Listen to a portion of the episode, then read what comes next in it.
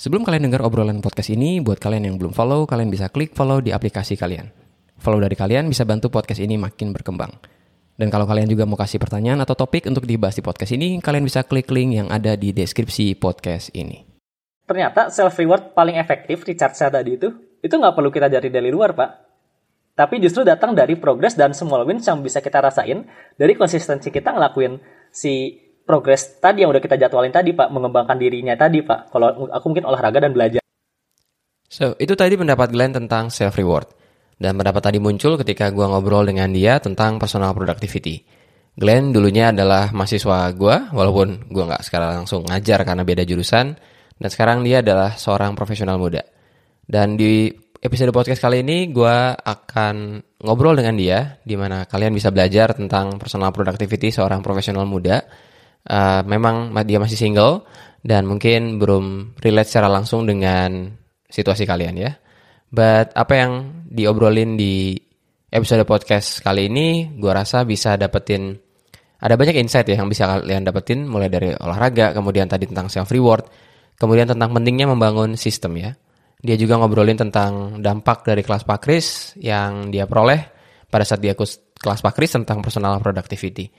So, pastikan kalian dengerin dari awal sampai akhir dan semoga obrolan ini bisa kasih insight dan juga dampak buat kalian yang mungkin lagi berusaha untuk meningkatkan personal productivity kalian. So, hopefully ini jadi satu ya value buat kalian ya.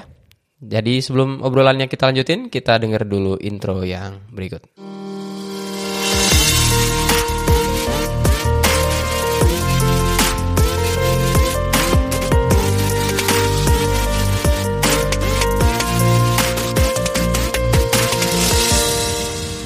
Halo Glenn, apa kabar?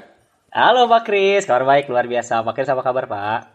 Uh, ya, dalam keadaan sehat juga. Thank you udah ngambil waktunya ya untuk Glenn di tengah kesibukannya buat ngobrol di podcast Pak Kris, di mana kita mau ngomongin tentang gimana cara ngatur waktu seorang Glenn gitu kan. Tapi sebelum itu mungkin banyak listener juga yang belum tahu Glenn.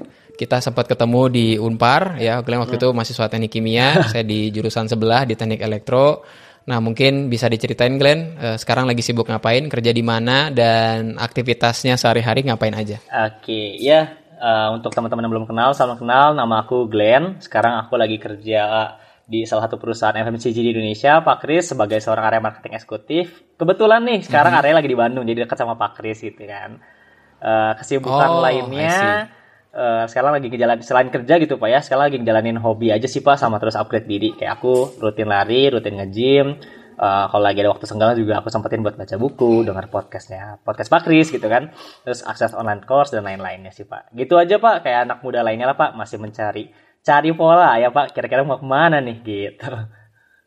Oke, okay, kalau kelihatan dari yang diceritain cukup seru juga ya kehidupannya ya gitu. Bahkan kemarin terakhir lihat udah beresin maraton, betul ya? Baru, baru Pak. Minggu lalu nih tanggal 24 uh, eh, Juli beres-beres half maraton Pak. Di tahun ini ambilnya setengah aja, 21 kilo Pak. Oke. Okay. Lalu tadi kerjaannya di bidang marketing ya, ketemu dengan banyak orang gitu kan? Betul, arah marketing Pak. Oke, okay, nah yang mau kita coba obrolin dengan lebih dalam itu adalah uh, gimana perubahan dari dulu kuliah menjadi sekarang hmm. jadi profesional gitu kan? Karena kan pasti berubah ya jadwalnya ketika kuliahnya seperti apa, pasti di kerjaan juga berubah gitu.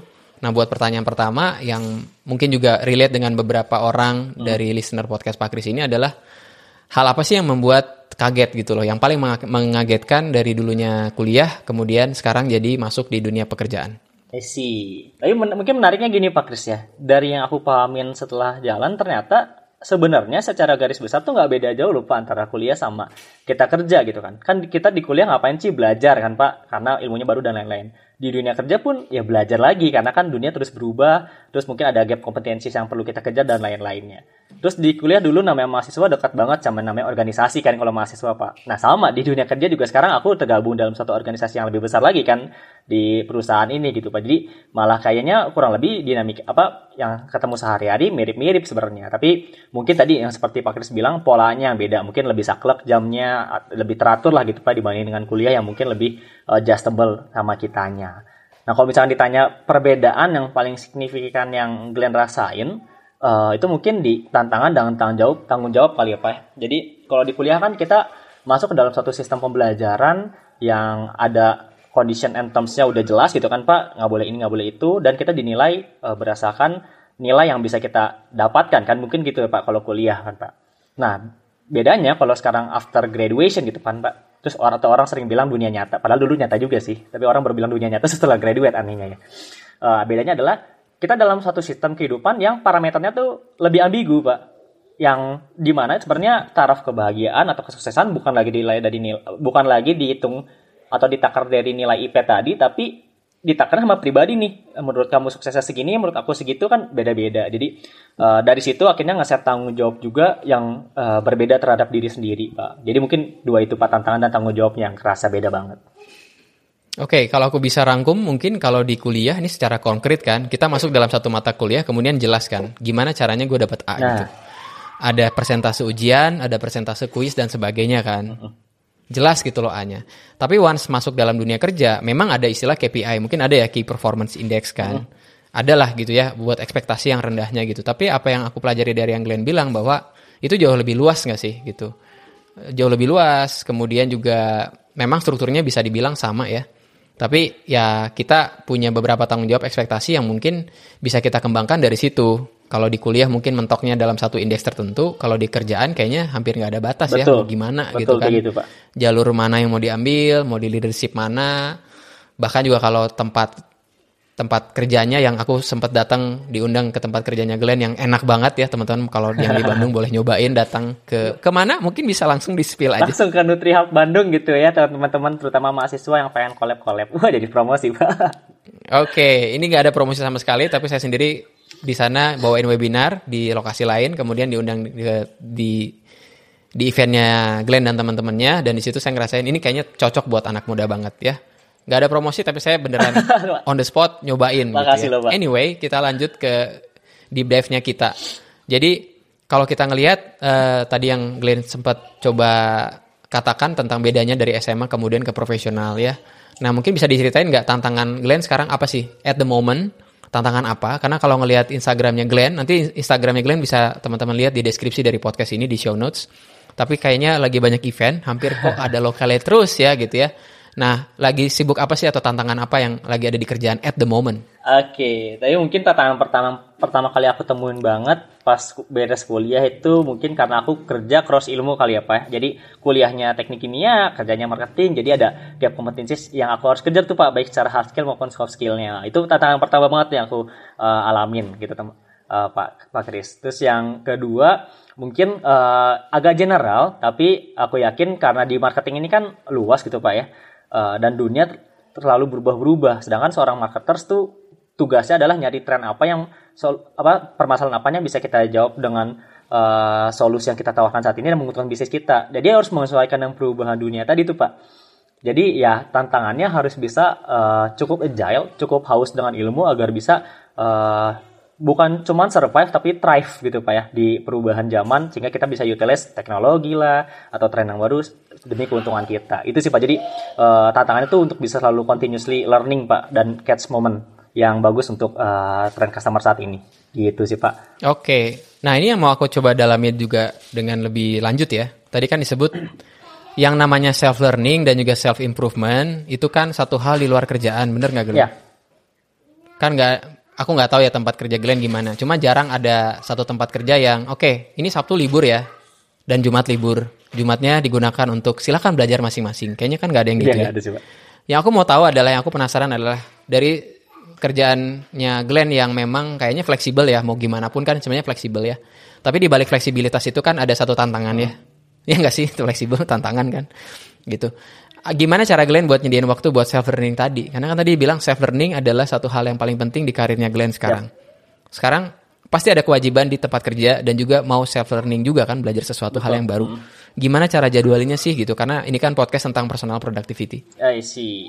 Ya ini uh, salah satu yang aku pelajari juga di kelasnya Pak Kris justru malah Pak uh, adalah dengan membuat sistem sih Pak itu yang yang itu yang paling sekarang jadi top of mind aku banget ngomong tentang self productivity membuat sistem gitu jadi selalu apa pun pengen apa pun ada suatu tujuan tertentu buat sistem langsung langsung buat sistem gitu.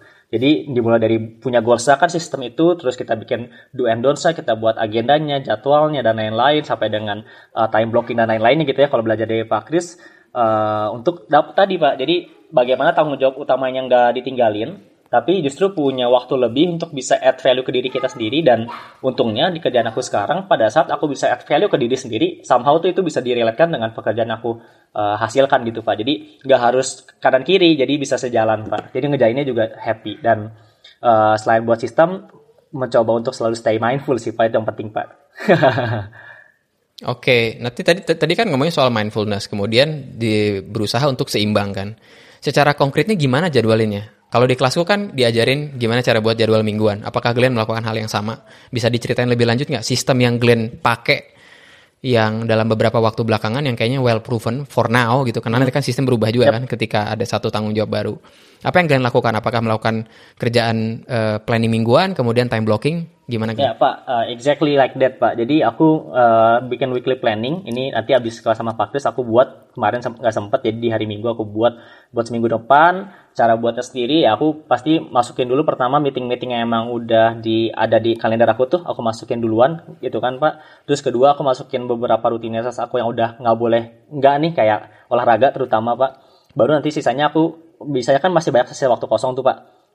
Di baik di jam kerja maupun di luar jam kerja. Nah, di sisa waktu kosong jam kerja itu menariknya karena aku buat time blocking, jadi aku bisa mikirin kira-kira aku mau ngapain di jam kerja tersebut, bukan lagi pada saat udah jam kerja, eh kosong nih, itu ah, jadi kayak lebih tadi nggak sporadis pada saat si hari hanya itu berlangsung. Dan yang paling penting dari si pembuatnya time blocking atau weekly planning tadi pak, jadi nggak aku aku nggak jadi korban agenda orang lain, itu sih yang aku ngerasain, jadi buat time blocking dan juga buat set uh, priority pak.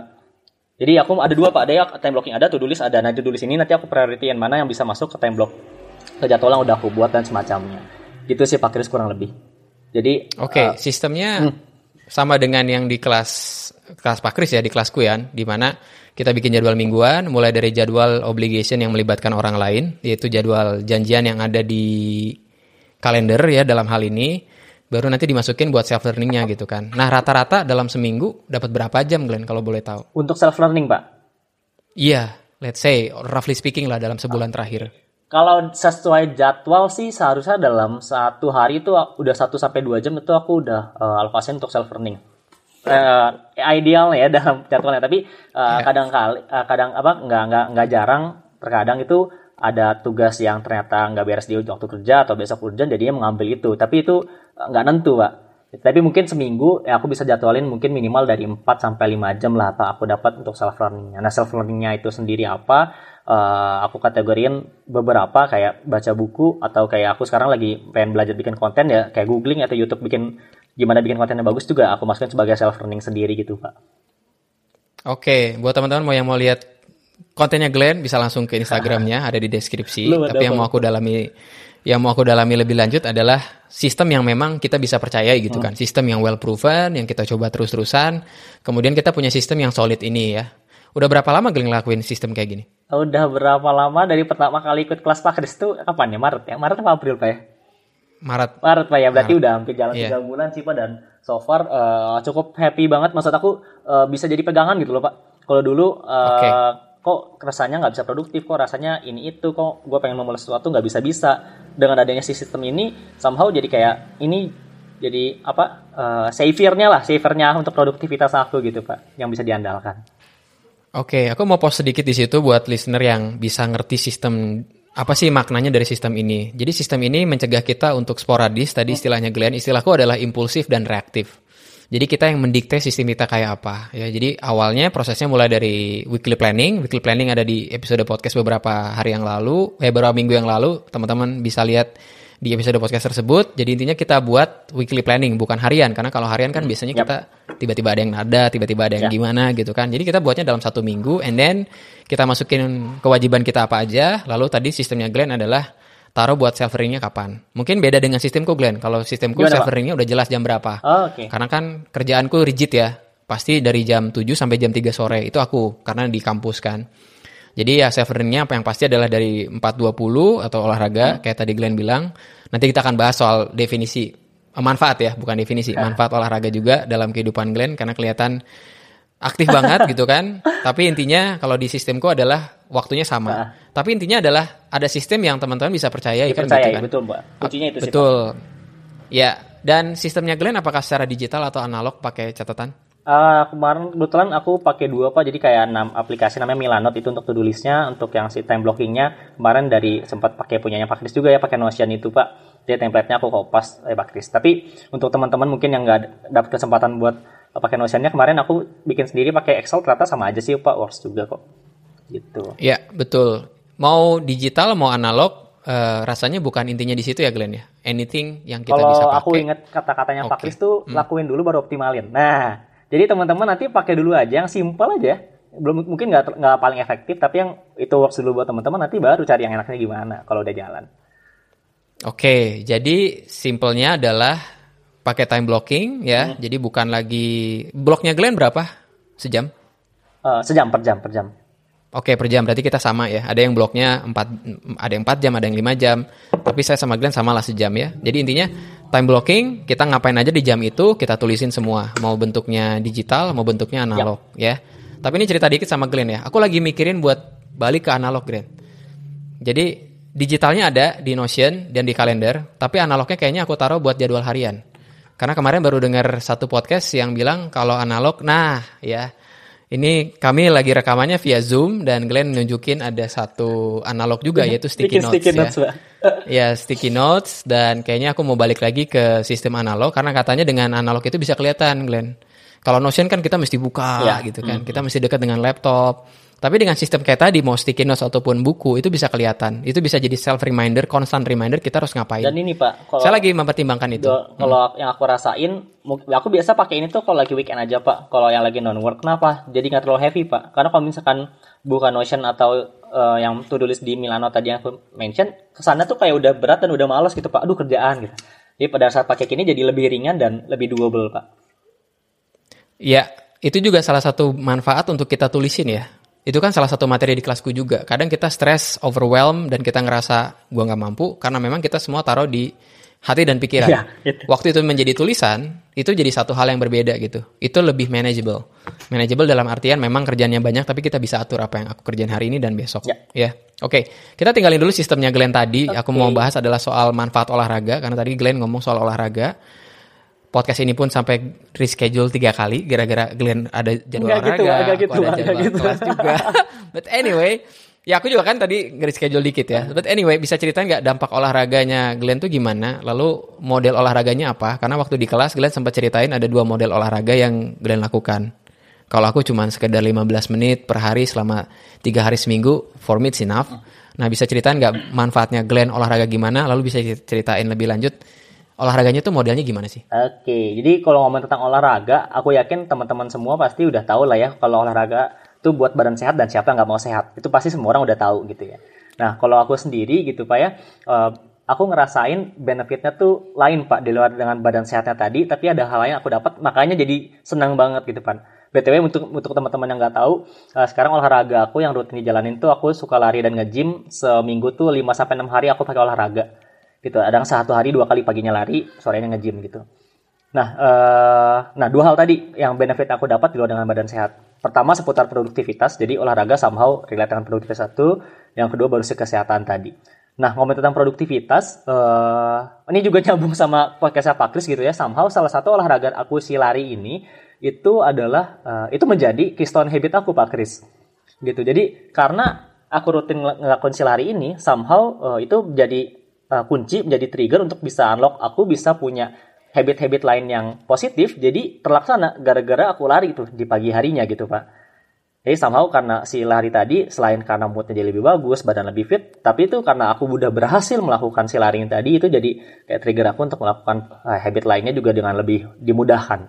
Seperti itu pak. Dan tadi uh, ngomongin tentang fisik uh, kalau udah olahraga secara rutin dengan baik itu uh, badan lebih fit jadi kayak siap aja gitu pak untuk seharian nggak mager dan mood juga lebih bagus. Jadi interaksi dengan orang aku banyak interaksi dengan orang tuh jadi lebih baik lebih bisa mikirin positifnya gimana optimisnya seperti apa dan seperti itu pak. Itu. Ya, terus yang selanjutnya lari juga uh, bisa menjadi sarana aku untuk meditasi pak menariknya. Jadi kan uh, aku lari itu Untuk long gym nge-gym aja gitu ya. Kalau lari aku dibagi beberapa sesi, ada yang uh, istilah itu ada yang run, ada yang long run, ada yang temporan, yang cepat dan lain-lainnya. Nah, di waktu aku run ini uh, itu somehow bisa menjadi caraku untuk meditasi pada saat sambil larinya tadi. Jadi uh, sambil lari, sambil dengerin podcast biasanya sambil detox pemikiran-pemikiran buruk yang aku punya jadi lebih siap untuk menghadapi apa pun itu tantangan yang di depannya.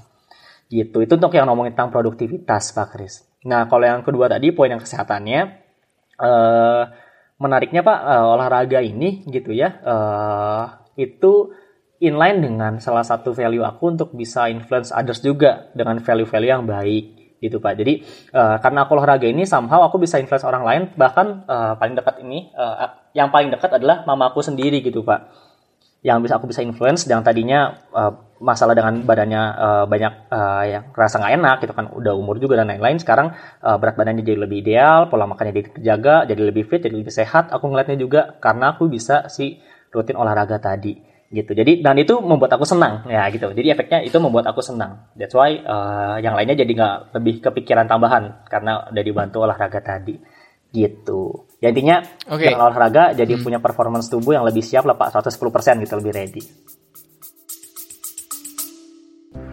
Podcast Pak Kris akan kembali setelah promo yang berikut. Buat kalian yang ingin meningkatkan produktivitas tapi bingung mau mulai dari mana, Podcast Pak Kris menawarkan tiga kelas online, Kickstart Your Productivity. Tiga kelas itu adalah berhenti menunda, melatih fokus, dan plan your perfect week. Kelas ini berbasis video yang bisa kalian pelajari kapan pun. Di kelas ini juga ada exercise-nya di mana kalian bisa isi worksheet atau lembar kerja, sehingga bisa menerapkan tips-tipsnya ke kehidupan kalian. Nah, kalian bisa beli secara terpisah seharga 79.000 per kelas atau langsung beli bundling dengan harga 199.000. Untuk pendengar podcast ini secara khusus akan mendapatkan 20% diskon dengan memasukkan kode podcast Pakris. Untuk informasinya, kalian bisa klik link yang ada di deskripsi dari podcast ini. Sekarang kita lanjutin obrolan kita di podcast Pakris.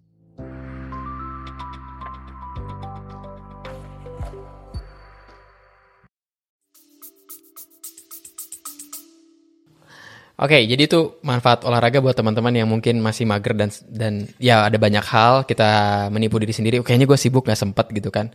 Tapi tadi Glenn bilang bahwa pada saat kita olahraga uh, dan Glenn mengategorikan itu sebagai keystone habit. Nah buat teman-teman yang nggak paham soal keystone habit tuh ada di episode entah nomor berapa. Kayaknya aku harus sekarang harus punya list episode di mana aku bisa refer. gue nggak tahu itu episode berapa. Tapi mungkin itu yang pertama kali Glenn dengerin kemudian memutuskan untuk ikut kelas Pakris yeah, mungkin ya yeah, ketika betul satu bulan ngomongin soal habit. Nah, keystone habit itu adalah habit yang kunci di mana kita bisa kalau kita ngerjain habit itu, itu akan merembet ke habit, ke habit lainnya. Glenn bilang pada saat dia olahraga merembet ke kesehatan, merembet ke pikiran lebih sehat, plus tadi aku baru dengar juga bisa berimpact untuk orang lain. Jadi rasanya olahraga itu satu elemen penting ya. Untuk gitu. aku Pak, Dan betul. betul, buat aku juga sama.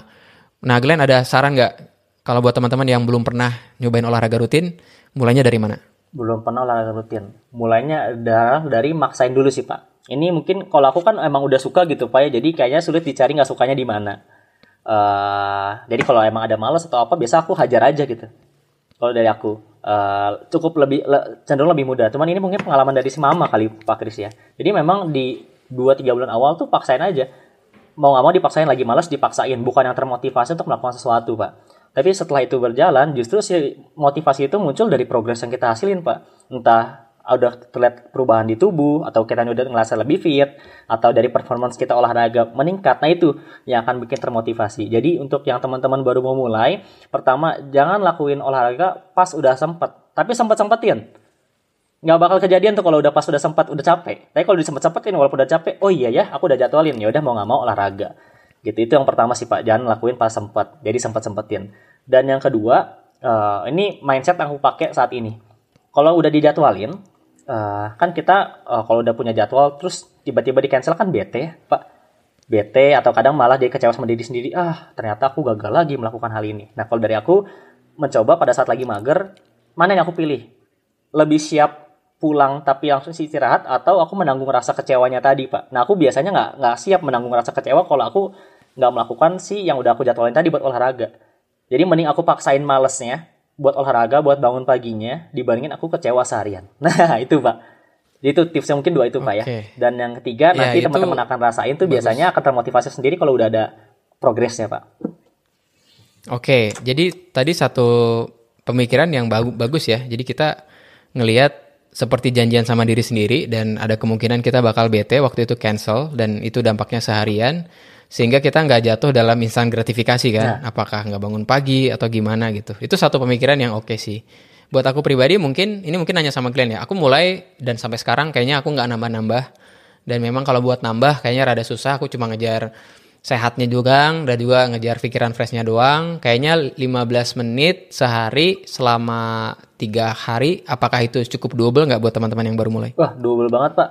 Karena ya kalau teman-teman coba breakdown lah gitu ya. Sehari 24 jam, potong 8 jam buat teman-teman istirahat 16 jam. Buat yang kerja potong 8 jam lagi lah, Pak. Tinggal sisa 8 jam. Masih aja sih dari 8 jam itu nggak bisa 30 menit aja olahraga gitu. Kalau misalkan ngecek screen screen time-nya gitu ya masih ada sosial medianya 1 2 jam tapi nggak bisa olahraga 30 menit berarti itu pengaturan teman-teman yang mungkin perlu di-adjust lagi. Olahraga lah. Oke. Tadi thought eksperimen yang Glenn lakukan itu yang aku lakukan juga di kelas pertama mungkin ya kita ngerasa kurang waktu di kelas Pak Kris yang pertama maksudnya.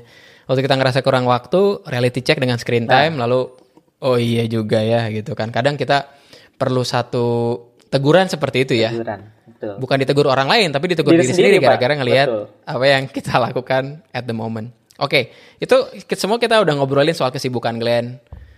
Eh, olahraga juga yang kayaknya aktif banget bukan cuma lari sempat kemarin eh, ngerjain ya maraton juga dan itu kan latihannya berat ada nge-gym juga nah buat seorang Glenn gimana caranya buat unwind unwind itu kamu self reward lah ya atau take it easy karena istirahat juga perlu bisa cerita nggak aktivitas yang Glenn lakuin itu apa aja untuk bisa off the grid dari semua kerjaan aktivitas dan semuanya gitu I see. Kalau terkait dengan istirahat, pastinya dengan si weekly planning tadi gitu Pak ya. Kalau misalkan planningnya benar, itu istirahat tuh udah ada di dalam di dalamnya Pak. Jadi nggak perlu dicari-cari istirahatnya karena memang udah dijadwalkan untuk istirahat Pak. Dari weekly planning tadi karena namanya olahraga nggak boleh diforsir, perlu ada istirahatnya. Nah kalau ngomongin tentang self reward Pak, menarik ini Pak. Eh, mungkin de- pertama definisinya dulu, mungkin tiap orang beda-beda gitu ya Pak. Kalau dari saya aku sendiri self reward definisinya itu adalah upaya yang kita lakukan untuk mendapatkan energi kita kembali kayak recharge gitu pak ya karena biasanya proses yang kita lakukan dalam untuk mencoba produktif dan keseharian tadi tuh eh, nggak selamanya menyenangkan dan mungkin menguras tenaga kita. Makanya self reward ini dipakai buat nge-recharge si tenaganya lagi tadi itu pak. Nah menariknya pak menurut dari yang Glenn alami gitu pak ya ternyata self reward paling efektif recharge tadi itu itu nggak perlu kita cari dari luar pak. Tapi justru datang dari progres dan small wins yang bisa kita rasain dari konsistensi kita ngelakuin si progres tadi yang udah kita jadwalin tadi pak mengembangkan dirinya tadi pak. Kalau aku mungkin olahraga dan belajarnya. Misalkan nih pak dalam pekerjaan deh misalkan dalam pekerjaan. Bisa mengerjakan dengan baik habis dari situ akhirnya bisa diapresiasi atau ada achievementnya gitu ya berhasil target capai atau dipercaya untuk tanggung jawab leb- eh, untuk yang lebih eh, lagi gitu tanggung jawabnya. Nah itu self reward sendiri pak. Oh senang ya ternyata yang aku lakukan bermanfaat nih.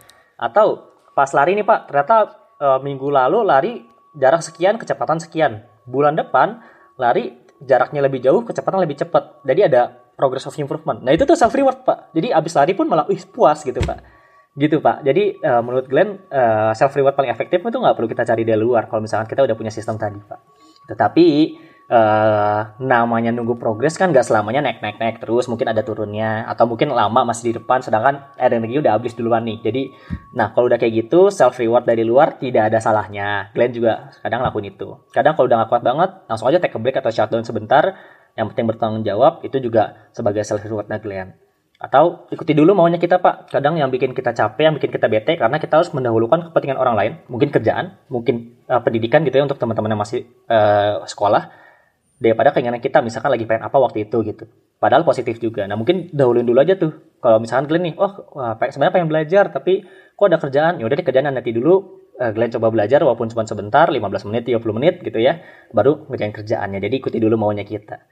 Atau yang lain terakhir yang paling umum ya treat yourself gitu pak. Tapi tetap bertanggung jawab. Misalkan eh, beli outfit olahraga baru beli sepatu baru kan bikin senang gitu ya pak. Gitu Oke, tadi yang mind blowing dan out of my expectation adalah yang pertama sih, gitu. Aku baru nyadar, mungkin itu caraku juga ya ketika ngelihat semua weekly planning. Aku biasa self reward tuh cuma Jumat malam. Kadang extend sampai Sabtu malam dan hari ini karena besok kebetulan akan keluar kota plus malam ini gitu kan. Pas ada acara bola juga. So, apa yang kalian bilang itu kayaknya wajib jadiin satu episode tersendiri ketika aku harus bahas bahwa self reward itu tidak datang dari luar, tidak harus datang dari luar. Dan bisa datang dari dalam dengan merayakan bisa dibilang ya itu celebrate apa achievement kita yang sudah kita lewatin gitu. Buatku begitu di Jumat malam ngelihat semuanya checklist checklist Nah. yang kepending buat minggu depannya sedikit Puas banget itu kan, self reward juga. Puas banget kan, Pak? Betul, puas banget dan aku nggak nyadar itu itu pun sudah jadi self reward. Aku masih coba dapetin stimulus dari luar sih. Nonton atau ngapain gitu kan ya. So I think it's a very good thought dari Glenn buat self rewardnya itu adalah puas terhadap diri sendiri gitu kan. Pat yourself in the back, you're doing good job Nah, misalnya. itu. Buat minggu ini. Terus yang menarik juga ya tadi dari luar juga nggak masalah. Cuman yang tadi aku kepikiran pas Glenn ngomong banyak orang yang ngelakuin yang hal dari luar ya entah itu nonton atau apa pun karena dia malas kan, bukan karena self reward Nah, iya. gitu. Banyak yang kita kayak karena gua malas maka gua sosmed, karena gua males karena gua youtubean.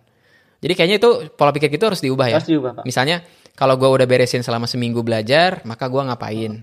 Itu kan self treat. Tapi the biggest reward itself adalah progresnya. Ya nggak sih itu kan yang kita bahas di kelas juga kan, Hmm. gitu. Nah, masalahnya adalah pada saat progresnya misalnya achievementnya nanti. Ya.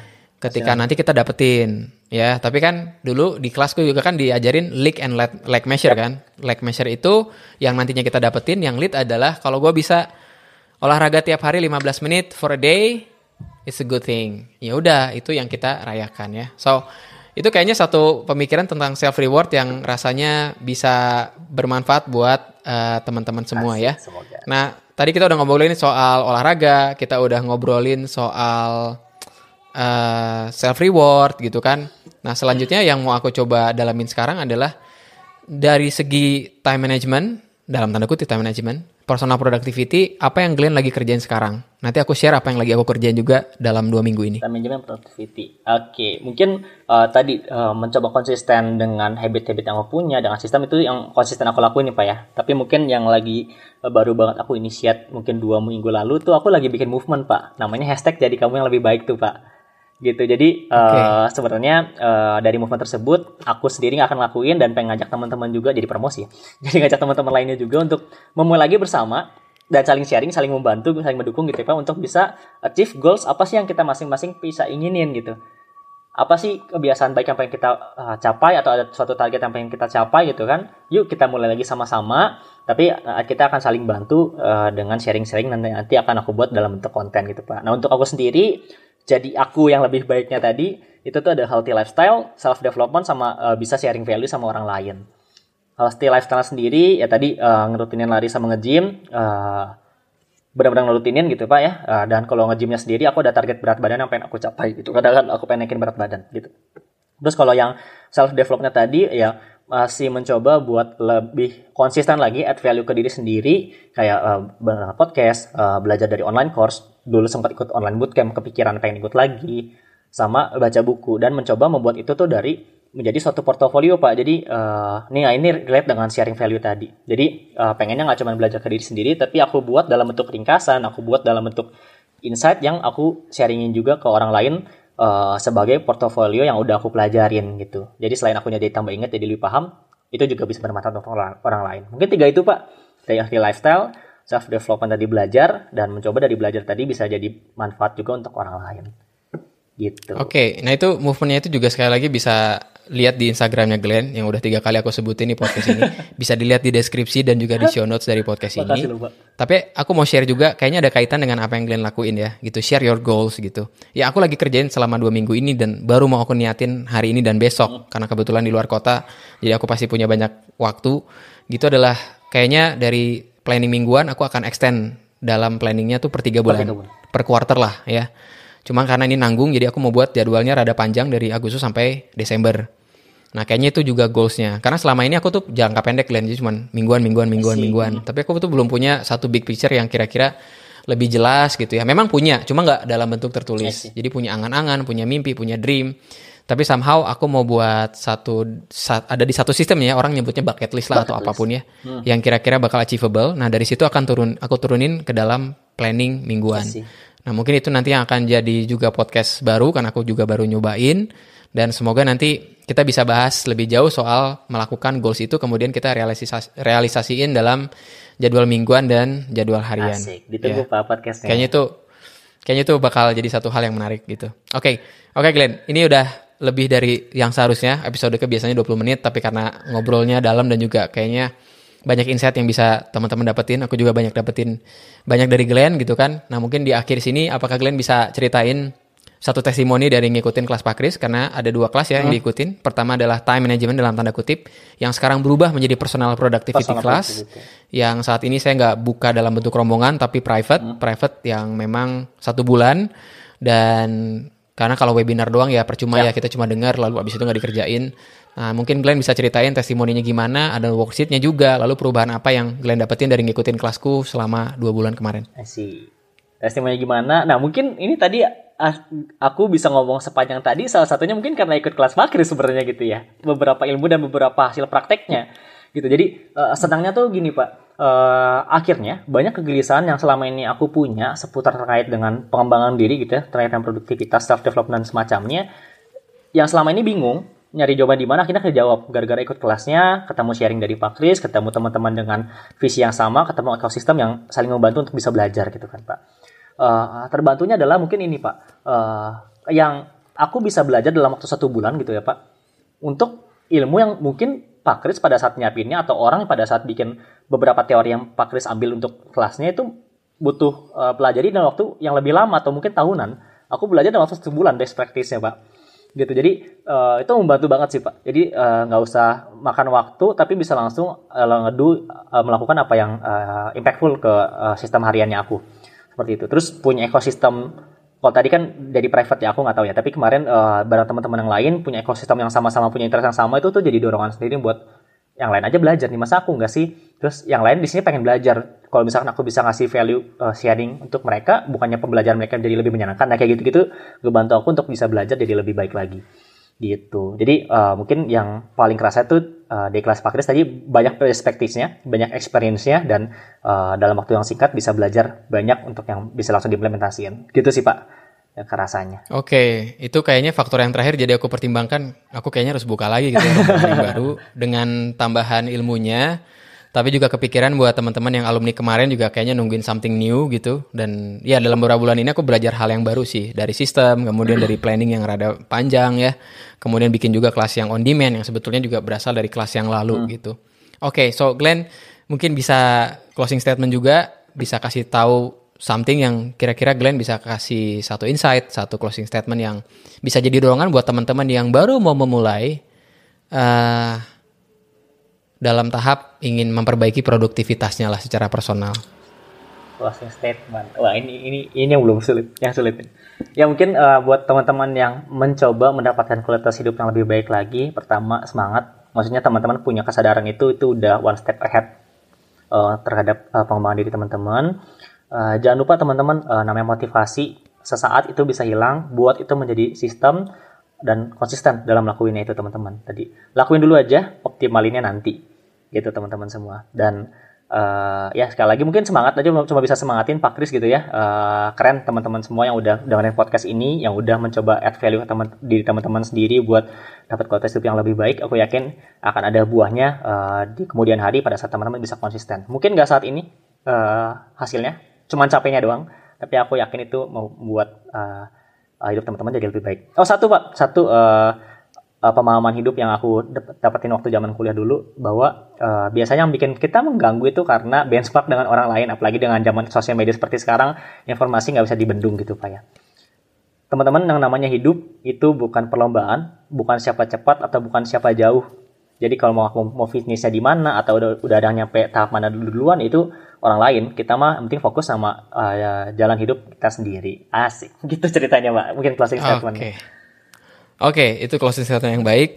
Yang terakhir tadi mesti perlu di highlight juga, kita nggak bandingin dengan orang lain. Kita nggak bisa bandingin diri kita dengan orang yang udah punya sistem produktivitas yang sangat-sangat well proven. Dan dari hari ini dan di episode ini khususnya teman-teman bisa belajar bahwa sistem itu personal, sangat-sangat personal. Mau tulisan, mau digital ya. Dan itu baru bisa kita dapetin kalau kita mau coba mau berani buat mencoba start small step lalu kita coba buat rutin lalu kita optimize in the end. So itu yang Glenn coba tadi highlight dari percakapan hari ini dan juga bisa semangat buat teman-teman semua. So thank you Glenn buat waktunya juga, on short notice bisa rekaman bareng dan nanti akan ada eh, ya semua informasi tentang Glenn akan ada di deskripsi atau di show notes dari podcast ini. Oke, so take care Glenn, thank you banget buat waktunya dan sampai ketemu di lain kesempatan. Ya, thank you Pak, sukses selalu. Dadah. Kalau kalian dapat value atau manfaat dari podcast ini dan ingin say thank you, kalian bisa support podcast ini dengan mentraktir Pak Kris dengan klik link yang ada di deskripsi podcast ini. Traktiran kalian akan sangat berarti untuk podcast ini tetap running dan bantu orang-orang untuk stay productive. I'll see you guys later dan stay productive.